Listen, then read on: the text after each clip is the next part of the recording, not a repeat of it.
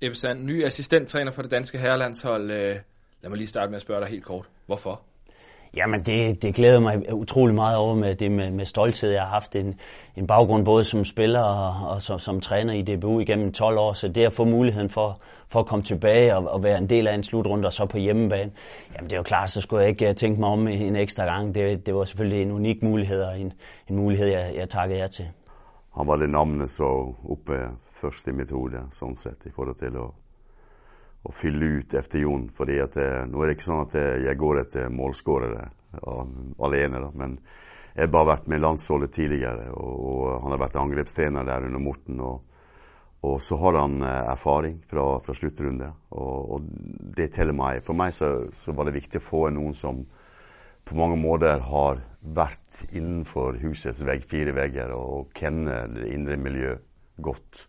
Og så kjenner jeg jo Ebbesand som en person, da. Og han, eh, han vil falle inn der uten eh, at vi bemerker det.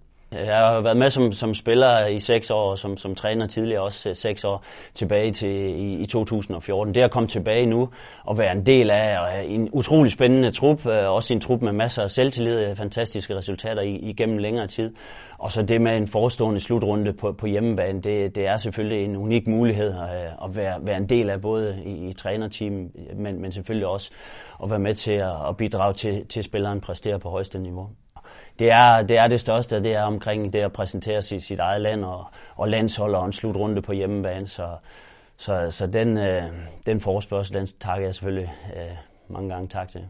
Ja, det er bevisst en stor og stærk entusiasme. Han, han er glad i Danmark og glad i det danske landshold. og Han var meget glad for at blive spurt. Og, og øh, når du stiller med den entusiasmen og lysten til at, til at bidra, så, så er det ikke så svært. Så det var bare en enkelt opringning? Det var en enkelt opringning. Det var mig, mig net.